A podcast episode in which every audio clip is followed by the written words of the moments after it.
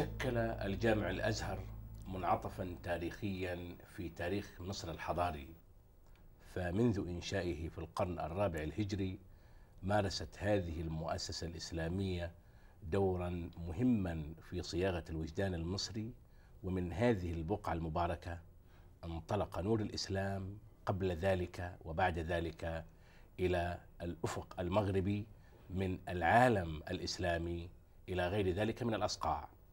وفي العصر الحديث كان للأزهر أدوار آه، بارزة في آه، مناصرة الوحدة الوطنية وفي بلورة الطاقة المصرية في مواجهة الاستعمار.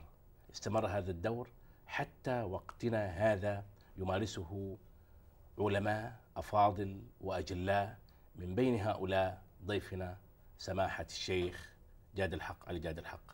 أهلا وسهلا بكم. مرحبا بكم يا أخي. آه، سماحة الشيخ آه، نريد هنا في البداية أن تطلوا على المشاهد آه، العربي والإسلامي بإعطاء صورة داخلية عن شخصيتكم عن تربيتكم عن تحصيلكم العلمي عن أساتذتكم. بسم الله الرحمن الرحيم. الحمد لله والصلاة والسلام على سيدنا محمد رسول الله. وبعد فقد نشأت في قرية اسمها بطرة مركز طلخة بمحافظة الدقهلية بمصر. وقضيت فترة الطفولة في كتاب القرية وكان شيخنا هو المرحوم الشيخ السيد البهنساوي. حفظت القرآن على يديه وتعلمت القراءة والكتابة والحساب وغير هذا من المعلومات العامة التي أهلتني للالتحاق بعد ذلك بالمعاهد الأزهرية وعلى وجه التحديد بالمعهد الأحمدي بطنطا. وكانت الدراسة في هذا الوقت تبدأ في الصف الأول والصف الثاني الابتدائي في الجامع الأحمدي في حلقات دراسية. ثم انتقلت انتقلت الدراسة بنا في الصف الثالث إلى مبنى المعهد الأحمدي وقضيت في هذا المعهد المرحلة الابتدائية حتى حصلت على الشهادة الابتدائية في عام 34 وكان التحاقي بالمعهد الصف الأول في 9 أكتوبر سنة 1930 ثم انتقلت إلى المرحلة الثانوية في هذا المعهد وقضيت الصف الأول ثم الصف الثاني واستكملت المرحلة الثانوية في معهد القاهرة الأزهري الثانوي. حتى حصلت على الشهادة الثانوية الأزهرية في عام 39 فالتحقت بكلية الشريعة. حصلت على الشهادة العالية من كلية الشريعة في عام 1943 ثم التحقت بتخصص القضاء الشرعي في ذات الكلية وحصلت على الشهادة العالمية مع التخصص القضاء الشرعي في عام 45 ثم التحقت بالعمل بالمحاكم الشرعية. في يناير 46 هذا قضيت فترة العمل متنقلا بين وظائف المحاكم حتى وصلت إلى درجة المستشار ومفتش أول للمحاكم ثم عينت مفتيا للديار المصرية في أغسطس سنة 78 ثم وزيرا للأوقاف في يناير سنة 82 ثم شيخا للأزهر في 18 مارس سنة 82 أه سماحة الشيخ في الفترة التي تلقيتم فيها هذا التحصيل العلمي كانت مصر موارة بالأحداث السياسية والثقافية. أه أنت ولدت تقريبا قبل ثورة سنة 1917 17 قبل مجيء سعد زغلول نعم. وبداية حركة حزب الوفد وما تلا ذلك من أحداث وأيضا في الثلاثينات نشأت حركة الإخوان المسلمين. آه ماذا كان لهذه الأحداث السياسية من أثر في تكوين وعيكم الفكري؟ كان الطلاب في هذا الوقت آه، مشغولين باستقلال مصر. وأن تتحرر من الاستعمار البريطاني ولذلك كانت تقام المظاهرات المناهضة للاستعمار في كثير من البلاد وفي مواسم محددة. وكان آه، التحرك الحزبي داخل البلاد الحزب الذي كان قائما وقويا وله جمهور كان حزب الوفد الذي كان يرأسه المرحوم سعد زغلول باشا ثم مصطفى النحاس باشا. في هذا الوقت كان مصطفى النحاس هو رئيس الحزب وكان خارج الحكم وكان الحكم يتولاه أحزاب الأقلية كما نقول الآن وكانت المصادمات تحدث والمظاهرات تحدث طلبا لأن يتولى الحكم أصحاب الأغلبية. باعتبارهم هم القادرون على أن يواجهوا الاستعمار وعلى أن يستخلصوا حقوق مصر من هؤلاء ماذا كانت درجة اقترابكم أو ابتعادكم عن حركة الإخوان المسلمين؟ لم تكن حركة الإخوان المسلمين في هذا الوقت قد نشطت وإنما كانت قد بدأت ولم تكن آه، متغلغلة في صفوف الطلاب لأنها كانت بادئة آه، هي بدأت في الظهور بعد الأربعينات ونشطت في هذا وعمت تقريبا تقريبا نواحي البلاد كان لها فروع وجمعيات ونشأت في صفوف الطلاب أولا ولا سيما الطلاب الكبار أي الجامعة والمراحل الثانوية.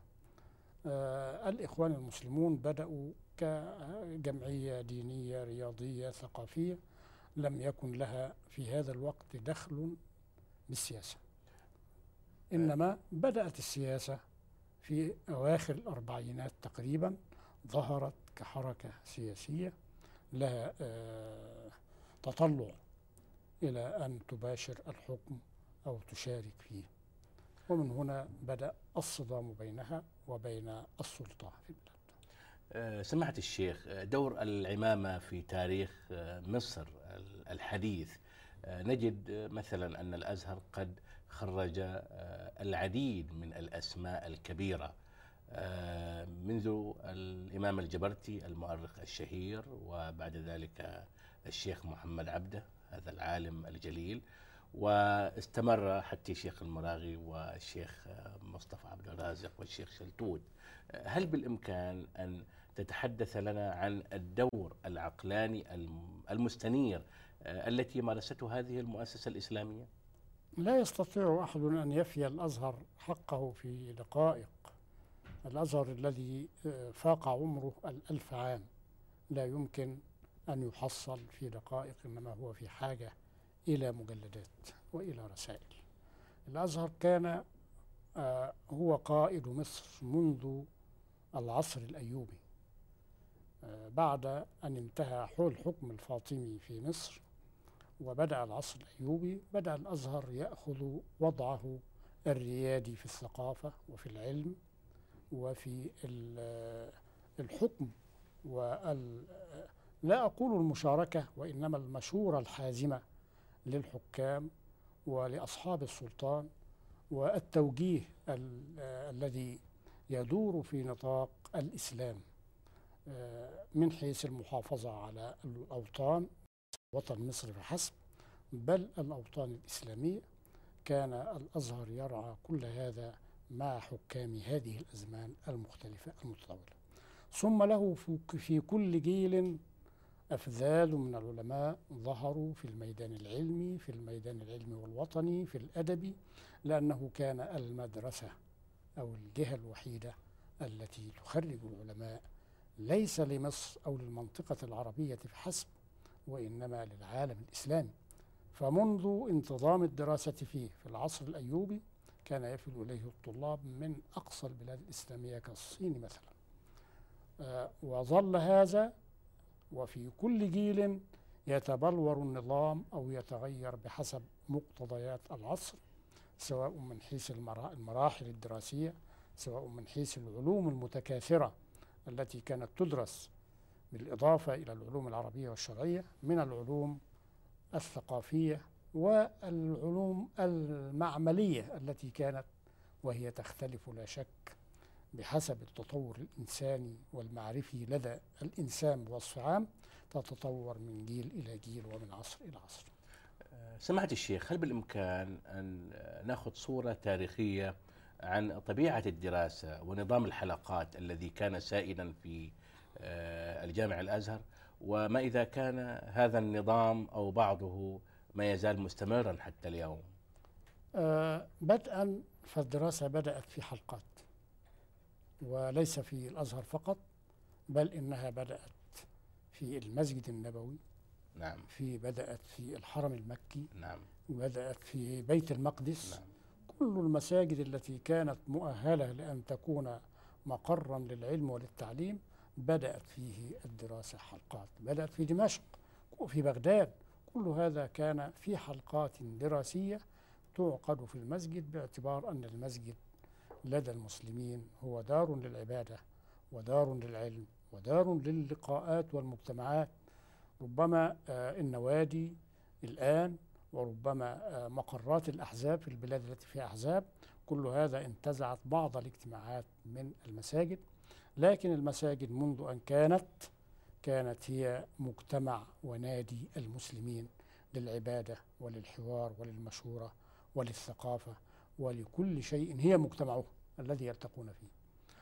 ظل هذا بالنسبة للأزهر حتى أنشئت المعاهد الدراسية والكليات في سنة 1930 آه، هنا بدأ الانتقال من المسجد إلى المباني المدرسية نعم. نظرا لأن المسجد لم يعد يتسع لكثرة الطلاب ولحاجة الطلاب إلى جلوس على مقاعد ليزاولوا الدراسة لا سيما في العلوم المعملية الحساب الرياضة الكيمياء الطبيعة إلى آخر. هذه المواد. مع حملة نابليون بونابرت على مصر آه، ارتبط اسم الأزهر بالتحرر الوطني وبصيانة الوحدة الوطنية في مصر وذلك من خلال استبسال علماء الأزهر وطلابه أمام هذا التحدي الأجنبي هل من وقفة هنا؟ آه، ليس فقط الحملة الفرنسية على مصر ونابليون وإنما أقول في عصور مصر المختلفة كان للأزهر دور بارز في توجيه الحكام وفي مقاومة ظلمهم أو تعديهم على حقوق المواطنين. هذا أمر مقرر وثابت في التاريخ أيام المماليك وغيرهم. كان للأزهر مواقف ولشيوخ الأزهر مواقف في نصفة وإنصاف المظلومين والدفاع عن حقوق الناس أمام الحكام. حتى جاءت آه، جاء العدوان الفرنسي الذي قاده آه، بونابرت في هذا الوقت واحتلال مصر كانت المقاومة تخرج من الأزهر. وكان دائما استثارة الناس وحثهم على الجهاد وعلى مقاومة المستعمر تكون من المساجد من الأزهر وغيره من المساجد. آه، مع بداية الثورة ثورة عام 1952 كأن الأزهر قد استوعب من قبل النظام الحاكم بدليل أنه آه، استوعب بعض الأسماء الأزهرية في آه، تشكيل الوزارة مثلا. وليس استيعاب بمعنى إسكات الأزهر لأن الأزهر كان دائما مشاركا لكن حين تخلص أو خلص الحكم في البلاد إلى المصريين تغير وجه الجهاد والدفاع. قد كان في فيما قبل آه، العمل الوطني موجها ضد المستعمر. فلما خرج المستعمر وانتهى الأمر صار الأمر إلى الوطنيين إلى المصريين وكانت الثورة قائمة آه، في 56 يوليو 56 كانت قد اتخذت خطوات إصلاحية داخلية هي التي كانت موضع بعض الخلاف اتخذت آه، آه، إجراءات ضد بعض الموظفين الكبار والصغار قصد الإصلاح الأداة الحكومية وهذا أيضا كان موضع اعتراض من بعض الفئات. كل هذا كان الأزهر مشاركا كوطني لأنه لا يوجد عدو آه، ينفرد الأزهر أو يوجه إليه وإنما فئات المصريين هي التي تتشاور أو تتصارع سيان في هذا الوقت للوصول إلى الدرجة المطلوبة من الإصلاح والصلاح. وهذا لا شك يختلف باعتبار أن السلطة كانت سلطة وسلطة نشأت عسكرية فكانت دائما تحاول فرض الآراء وليس بالمشورة يقال بأن الجامع قد فقد استقلاليته وقراره منذ آه، عين مثلا شيخ الأزهر بقرار رسمي. الشيخ الأزهر دائما يعين بقرار رسمي ولم يكن شيخ الأزهر يأتي بانتخاب أو باختيار كما قيل إطلاقا. الأزهر كأي وظيفة كبرى في مصر دائما لابد أن يصدر قرار التعيين من رئيس السلطة في البلاد أيا كان اسم صاحب هذه السلطة ملك أو أمير أو رئيس أو رئيس جمهورية في العصر الحاضر هكذا.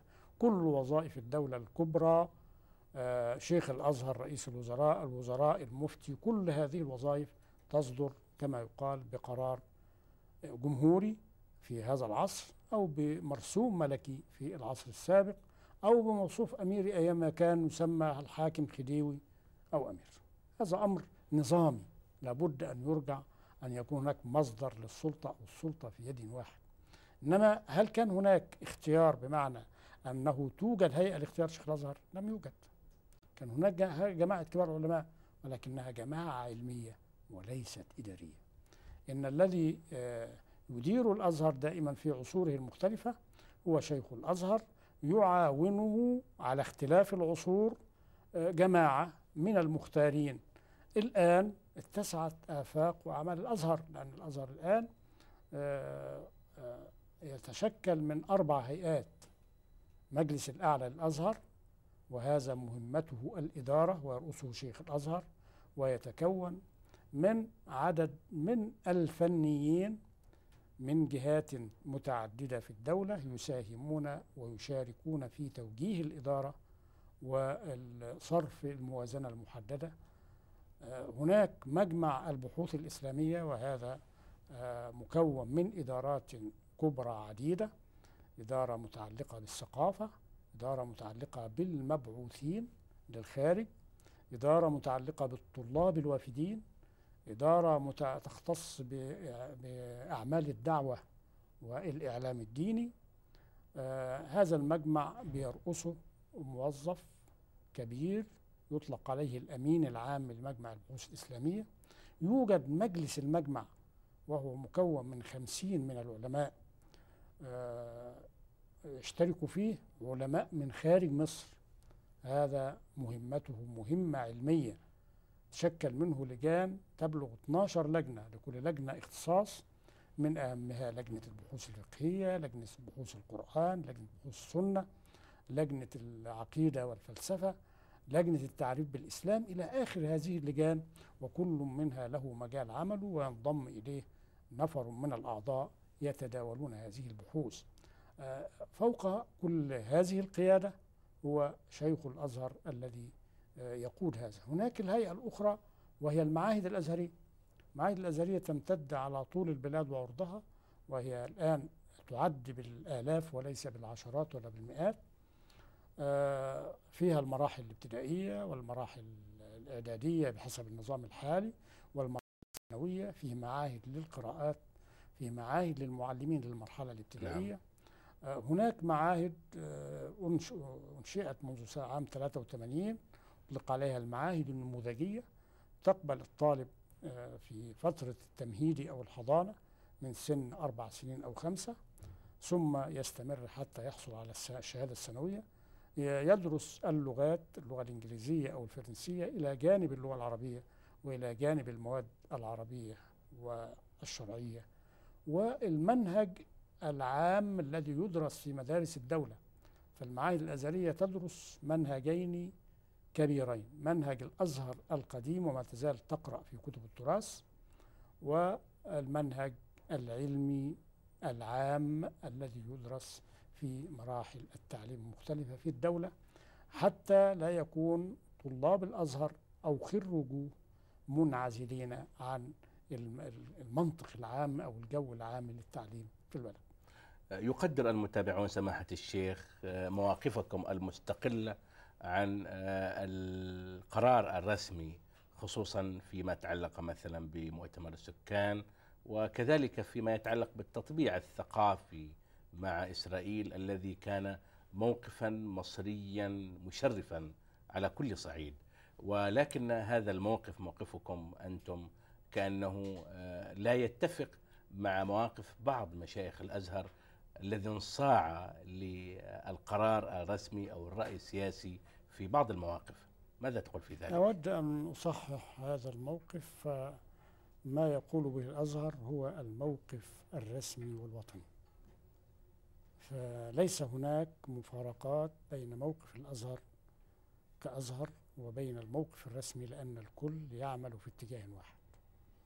آه، مؤتمر السكان بعد أن قال الأزهر كلمته وهو صاحب الكلمة في هذا آه، سيد رئيس الجمهورية في خطاب الافتتاح كان واضحا وصريحا آه، قال أكثر مما قاله الأزهر.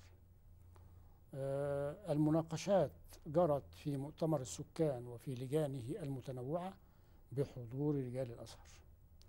انتهى المؤتمر ببيان تحفظات من وزير الخارجية آه، تحفظ باعتبار ده مؤتمر آه، دولي آه، تقيم منظمة الأمم المتحدة فليس آه، إلا أن يعترض على ما لا توافق عليه الدولة ويتحفظ عليه.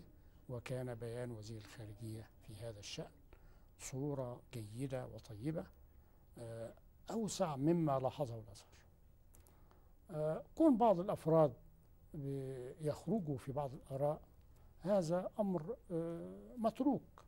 كل واحد يقول رأيه لكن كان الأولى أن يلتزم برأي الجماعة وهو آه، في الفترة الأخيرة رفضتم مثلا استقبال الرئيس الإسرائيلي وازمان وأيضا كانت لكم مواقف وطنية مشهودة ولكن آخرين آه، كانوا قد باركوا مثلا خطوة رئيس السادات إلى القدس وهم مشايخ. ال- ال- الأمور السياسية إحنا نعل- نعلم أن الإسلام هناك أحكام ثابتة لا تتغير وهناك أحكام قابلة تتغير. الأمور السياسية الصلح مع الأعداء عقد المعاهدات قطع الصلات كل هذه أمور تتغير من وقت إلى وقت.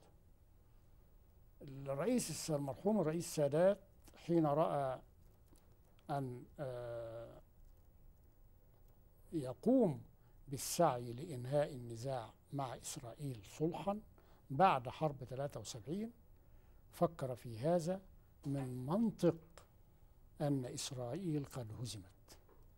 وهذا وقع. وكانت خطوة لو أن الجميع كان قد انضم إليها لما كنا في هذا الموقف السيء الآن. انضم إلى مفاوضة السلام إلى؟ مفاوضات السادات الآن يعني مؤتمر أوسلو الذي تم فيه الاتفاق مع الرئيس عرفات. ماذا صنع لغاية الآن؟ لا شيء.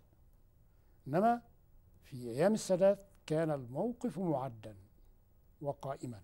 السادات لم يخطئ إنما السادات فعل ما فيه مصلحة الأمة لأن الأمة المش المشتتة المتفرقة يعني العرب والمسلمين ككل آه، بوضعه لن يستطيعوا أن يحلوا مشاكلهم لا بالحرب ولا بالسلام ألا ترى بأن ما وصلنا إليه آه، كان بداية العمل التفاوضي الذي آه، قام به السادات في كام ديفيد؟ لو أن آه، الكلمة كانت واحدة في الصف العربي في هذا الوقت لحلت المشكلة. كيف؟ كي- لأن الأمر كان مهيأ. بيجن اللي هو كان آه، آه، أقسى وأشد تصلبا من الحاليين كان قد استنام واستراح لأنه يتم التفاوض. وكان للآخرين أماكن معدة في موقع المفاوضة ولكن الخلاف والنظر للأمور بعصبية وبخيال خير دائما أن يعرف الإنسان قدراته. ألا ترى بأن تحييد مصر كان مقدمة لتعطيل القدرات العربية السيطرة على القلب هو- القومي؟ هو تحييد مصر جاء من متى حين آه، تفاوض السادات قاطعته الدول العربية. هذه سياسة في تقديري لم تعد مناسبة للعصر. الخصام وإحنا نذكر إن أول ما بدأ ما في 48 في قبرص كان كل المفاوضين الأجانب بكل أسف دايما المفاوضون الأجانب هم الذين يتدخلون بيننا كانوا يص- يصعدون إلى العرب وينزلون إلى إسرائيل. هذا أمر. نحن نرى في أوروبا في حربين في هذا القرن. الغالب والمغلوب بعد أن تنتهي الحرب بانتصار وانهزام يجلسون معا. ويتفاوضون والمنتصرون يعيدون تعمير ال- المنهزم. المانيا اعيد تعميرها مرتين بمن بمن؟ بمشروع مارشال ومشروع غيره. نعم. أما نحن فنتخاصم ونعطي ظهورنا لبعض وهكذا سنظل في هذه الفرقة وهذا الشتات وسنظل بسبب بهذا السبب ضعافا لا وزن لنا في العالم. أرضنا تنتقص أقلياتنا تنتهك وتباد. ليه؟ لأنه لا يوجد لها من يحميها ولا من يدافع عنها لا بالكلمة أين أين موقفنا من الشيشان أو من بوسنا والهرسك أو من غيرها؟ أين أفغانستان التي جندت الأمة نفسها معها لتتخلص من من الشيوعية والشيوعيين؟ ما موقفها الآن وهي تنتحر. من الداخل. من الداخل. نعم. أين التفجيرات الداخلية في كل كل الجزائر؟ ما يحدث هنا وهناك في كل مكان. آه هذا أمر خطير ويجب أن تثوب الأمة إلى رشدها وأن يثوب الزعماء جميعا إلى رشدهم وأن يتعالوا فوق الخصومات وفوق النزاعات وفوق التطلعات والرياسات. كل رئيس في بلده. إنما يجب أن يكونوا إخوة. يجب أن يتمثلوا مثل المسلمين في توادهم وتراحمهم وتعاطفهم كمثل الجسد الواحد إذا اشتكى منه عضو تداعى له سائر الجسد بالسهر والحمى. هذا قول الرسول عليه وسلم. نريد أن ينظر الزعماء والقادة إلى موقف الأمة ووضعها الآن في العالم وأنها حرماتها اقتصادها آه، كرامتها تنتهك في كل يوم وفي كل وقت بسبب هذه الفرقة. العدو ينفذ إلينا من الهواء ومن الماء ومن البر ومن البحر ومن كل مكان ليفشي الفتنة ويذيع الفتن ويحدث تفجيرات من الداخل لننشغل بهذا ونتركه يرعى في أموالنا وفي مصالحنا. سماحة الشيخ هذه الإجابة في الواقع تنتوي على العديد من الأسئلة ولكننا دعنا نبدأ بهذا السؤال. ما هو موقفكم أنتم في الأزهر من المعارضة الإسلامية في داخل الأراضي العربية المحتلة في فلسطين؟ آه، أولا أنا لا أحب أن أطلق الإسلامية على أعمال حزبية. كل كل جماعة تطلق على نفسها تريد أن تصل إلى الحكم. ينبغي أن تظل باسمها واضحا. تعني حركة حماس؟ أي لا أعني كل الجهات التي تأخذ تطلق أو تلبس أو تلبس نفسها ثوب إسلامي وتقول أنا إسلام. ال- الأمور آه، السياسية. والعسكرية. ينبغي أن تكون بمقاصدها. يريد الحكم. أين من يعمل للإسلام من هؤلاء؟ إذا كنا نعمل الإسلام نقتل بعضنا؟ هذا خطأ. ال- الجزائر التي يقتل فيها بالمئات كل يوم هل هذا إسلام؟ من هو المسؤول هنا يا هم؟ جميعا مسؤولون. هم جميعا مسؤولون. السلطة وحركة الاثنين الكل. لأنه ينبغي أن تكون السلطة سلطة قائمة بالعدل وينبغي أن يكون المنافسون لها الذين يريدون السلطة طالبين للسلطة بالطرق المشروعة. ما هو المخرج المخرج أن يجلسوا. الجزائر من هذا المخرج أن يجلسوا معا ويتفقوا على حقن الدماء وأن يسووا هذه الأمور السياسية بالحسنى. لنا في في بعد وفاة الرسول صلى الله عليه وسلم هل امتشقوا الحسام وحاربوا؟ أم جلسوا في سقيفة بن ساعدة يقتلون الخليفة وظلوا يتحاورون؟ إلى أن وجدوا الدليل. وقال عمر رضي الله عنه لأبي بكر ابسط يدك أبايعك رضيك رسول الله لدينا فلا رضاك لدنيانا معيار موضوعي. سبب موضوعي. فيه فيه علامة فيه قرينة. الرسول صلى الله عليه وسلم فعلها. أناب أبا بكر في الصلاة فاتخذوا هذا علامة على أن هذا يختار. أي أين هذا العقل؟ الدول الأخرى. دعنا. آه، نظل في عصرنا. الدول الأخرى بتجلس وتتشاور. والحزب اللي بيفوز بالانتخاب بي... بي... بيتولى الحكم لتكن هذه وسيلة. وهي وسيلة يقرها الإسلام لا مانع ألا ترى بأن المشكلة في الجزائر قد بدأت منذ ألغيت الانتخابات؟ آه، أجريت الانتخابات ولم ترضى عنها السلطة. وليه- لما إذا أجريت الانتخابات وجاءت بأناس لما لا نترك لهم المجال فترة ما لنجربهم؟ والذين جاءوا بهم هم الذين يسقطونهم. وهذا ما يكون. كل الدول التي اتخذت الانتخابات وسيلة تسير على هذا الطريق. وهذا طريق مشروع يقره الإسلام. على الساحة الأفغانية نجد مثلا أن ما أثمرته الحروب الداخلية بعد انحسار المد الشيوعي هو أكثر من آه، الشهداء الذين آه،. ذهبوا آه، ضحية هذا الجهاد. هذا أمر مؤسف. نحن نقتل بعضنا بع- بعضنا بعضا نحن نقتل أولادنا وإخوتنا وآباءنا وأطفالنا ونساءنا لما؟ للحكم هناك طرق مشروعة. لما لا نستعملها كما يستعمل الناس العقلاء هذا ما أنادي به وأرجو أن أن يسمع المتقاتلون من المسلمين في كل مكان ما أقول وأن يتوبوا إلى رشدهم وأن يعلموا أن من قتل نفسا بغير نفس أو فساد في الأرض فكأنما قتل الناس جميعا. هذا هو القرآن. بدأت ال- الحركات الإسلامية أنشطتها على امتداد الساحة العربية والإسلامية آه، منذ آه، بدأت آه، الحرب الأفغانية ضد الوجود السوفيتي. هل ترى أن ثمة اتصالا بين هذه الحركات الإسلامية وأنشطتها وبين ما كان يجري في أفغانستان؟ أي أن أفغانستان هناك- كانت هناك مفرخا. لهذه الحركات هناك الإسلامية؟ صلة فعلا. هناك صلة فعلا لأن هؤلاء ال- الذين ذهبوا يعاونون الأفغان على أرضهم عادوا من ميدان القتال مدربين فأين يستنفذون طاقتهم؟ وإذا كانوا في ظنهم قد أوصلوا الأفغان إلى أن يحكموا فلما لا يحكمونهم؟ لقد جاءوا مشبعين بهذه الروح والأولى أن يكونوا جنودا قاموا بمهمة في في لشعب شقيق يظاهرونه حتى آه، يجلي آه، خصومه عن بلده وأن يستقل.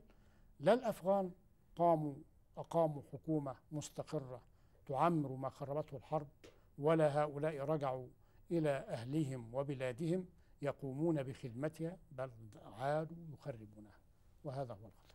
آه، منطق هذه الحركات الإسلامية أو معظمه إني ينحصر أر- إني في أرجو ألا تقول الإسلامية. أنا لا أسميها إسلامية إطلاقا. الإسلامية تطبق الإسلام على نفسها قبل أن تطبقه على غيرها. ينحصر خطابها في أن الأنظمة السياسية لا تطبق الشريعة تطبيقا كاملا. ومن قال إن الشريعة طبقت بالسيف إن من يقول هذا يظلم الشريعة إنما طبقت بالاقتناع والإقناع. الإسلام ظل ينادى به آه، باسم بلسان رسول الله صلى الله عليه وسلم في مكة ثلاثة عشر عاما. لم يرفع سيفا. آه، كانت الهجرة ما ما رفع سيفا على أحد إنما كان مدافعا عن المسلمين. كيف؟ إذن إذن آه، الدين لا يقام بال- بالقوة لأن الدين أساسه الإيمان والإيمان لا يأتي بالقوة إطلاقا. كيف ترى إلى مستقبل الحركات أو حركة الإسلام السياسي؟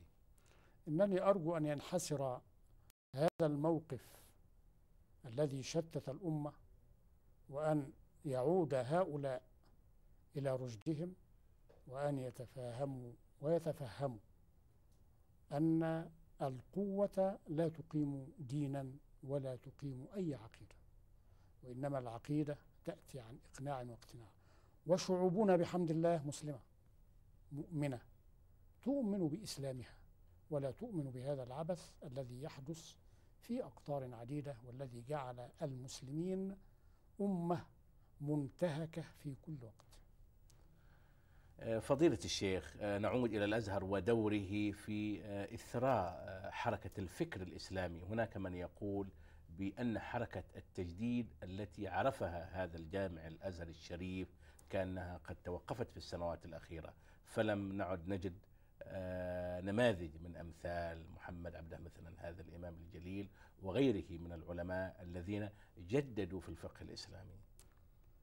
آه، هذا قصور في النظر فيما هو قائم. الحمد لله الشعوب الإسلامية آه، ولودة وليست عقيمة. إن في كل عصر العلماء الذين يقودون أمتهم والذين يرشدونها والذين يفتونها والذين يصححون عقائدها وعاداتها وأعرافها ويحاولون بالحكمة والموعظة الحسنة أن تستقيم الأمور على منهج الله. وهم كثيرون كثير جدا. في عصرنا في قرننا هذا كان الشيخ محمد عبده كان الشيخ المراغي كان الشيخ عبد المجيد سليم كان كانوا كثيرين. كان الكثير في مصر وفي غير مصر هناك علماء أبذاذ ولدينا المجامع الفقهية في كل بين الشعوب الإسلامية فيها علماء قد لا يمكنون من العمل ده أمر آخر. قد لا تتاح لهم فرصة أن تنشر آه، أقوالهم وفتاويهم وما وصلوا إليه من بحوث. هذا ليس آه، ذنبهم وإنما قد يكون آه، ضيق الإمكانات قلة الإمكانات المتاحة لهم ليعرف الناس ماذا يقولون وماذا ينتجون ألا ترى سماحة الشيخ بأن اصطدام المجتمعات العربية والإسلامية بالعصر وقضاياه ومستجداته جدير كل ذلك بتفعيل حركة الاجتهاد الإسلامي؟ آه هذا أمر واقع وأمر يقوم به العلماء في كل الشعوب لكن الأولى أن يكون هناك آه، مجمع علمي يلتقي فيه كبار علماء الشعوب الإسلامية ليتعرضوا لهذه القضايا المستحدثة ليوائموا بين النظم القائمة النظم الاقتصادية وأحكام الإسلام فيها آه، كل المستجدات على التي تأتي بها التطور الصناعي والتقني في العالم الآن والعلمي. كل هذا ينبغي أن يصحبه مسارعة. من علماء المسلمين بأن يقولوا للناس حسنا في هذا هل فعلتم شيئا على هذا الصعيد في الجامع الأزهر؟ نعم كيف؟ مجمع البحوث قائم بهذا لدينا في مصر في كل محافظة آه، لجنة للفتوى يرجع إليها الناس تفتيهم وتبين لهم الأحكام آه، على كل المذاهب؟ على كل المذاهب لجنة مكونة من الأربعة مذاهب سماحة الشيخ آه، فيما يتعلق بقضية المرأة في التصور الإسلامي حتى الآن بعض الباحثين والباحثات يتطلبون مزيدا من السماحة الإسلامية تجاه المرأة التي هي نصف المجتمع. لم تنصف المرأة في في عهد من العهود إلا العهد الإسلامي. الإسلام هو الذي أعطاها وهو الذي فصل الحقوق وميز كل شيء. لم يجعل الأمر مختلطا. الإسلام وضع الأمور في نصابه. قد تكون هناك عادات تتجاوز هذا لكنها العادة وليس الإسلام. آه ليس في الإسلام قضية للمرأة لأن المرأة آه أخذت ما يخصها بحكم الله والرجل أخذ ما يخصه بحكم الله ولا بد أن ينزل الطرفان على حكم الله. أقول مرة أخرى إذا كانت هناك عادات تناهض هذا فالذنب للعادة والوزر على العادة وأصحاب العادة ينبغي أن يعودوا إلى الإسلام. سمحت فهم الأزهر بأنه أصبح في السنوات الأخيرة منفصلا عن حركة المجتمع بدليل أن السطوة اليوم مثلا في مصر أو في بعض أوساطها لبعض الحركات الإسلامية حادث الزلزال مثلا آه، كأنه استغل من قبل هذه الجماعات فتقدم بخطوات إلى بعض القناعات. آه، أرجو دائما أن وأقول مرة أخرى أن ينظر إلى الأزهر وإلى مصر بأن الأزهر برز في العصور السابقة كقائد وحيد في مصر فكريا وسياسيا واجتماعيا. وكان هناك دائما استعمار أو حكام وافدين فكان الأزهر هو الملاذ وهو المحامي وهو القائم على رفع الظلم. أما الآن فالأزهر عضو في وطن مستقل يحكمه أبناؤه. عندما يظلم الأخ أخاه لا يقال إن هناك أين الأزهر وإنما يقال هناك أين المحاكم. أين الحاكم؟ إنما الأزهر صاحب كلمة. يقول الكلمة العامة يتدخل للصلح إذا كان هناك نزاع. آه ليه؟ لأن الصورة تغيرت بعد أن كان الأزهر بيواجه أمور خارجة عن الدين وعن الوطن أصبح الآن بيواجه داخل الوطن. فالأمر متغير والأزهر ليس معزولا. الأزهر أبناؤه يشاركون في القضاء في الجيش في الوظائف السياسية في الوظائف في كل ما مناحي الحياة التعليم. الأزهر الأزهر الآن يحمل ثلث التعليم في الدولة كيف يكون منعزلا؟ سماحة الشيخ هل بالإمكان أن نقترب قليلا من هواياتكم من اهتماماتكم خارج إطار التزامكم الشرعي كشيخ للجامع الأزهر؟ واقع الحياة أنني عشت في وظائفي التي تدرجت فيها مخلصا لوظيفتي لا أتعامل مع غيرها. هواياتكم. حتى الآن هواياتكم. هواياتي المطالعة والكتابة وإدارة العمل الذي أتولاه منذ دخلت الوظائف. آه، الشعر ما لا علاقتكم لا؟ أتعاطى الشعر إنما أقرأ فقط. شكرا لك شكراً. وشكرا لكم. شكرا لكم. السلام عليكم ورحمة الله وبركاته.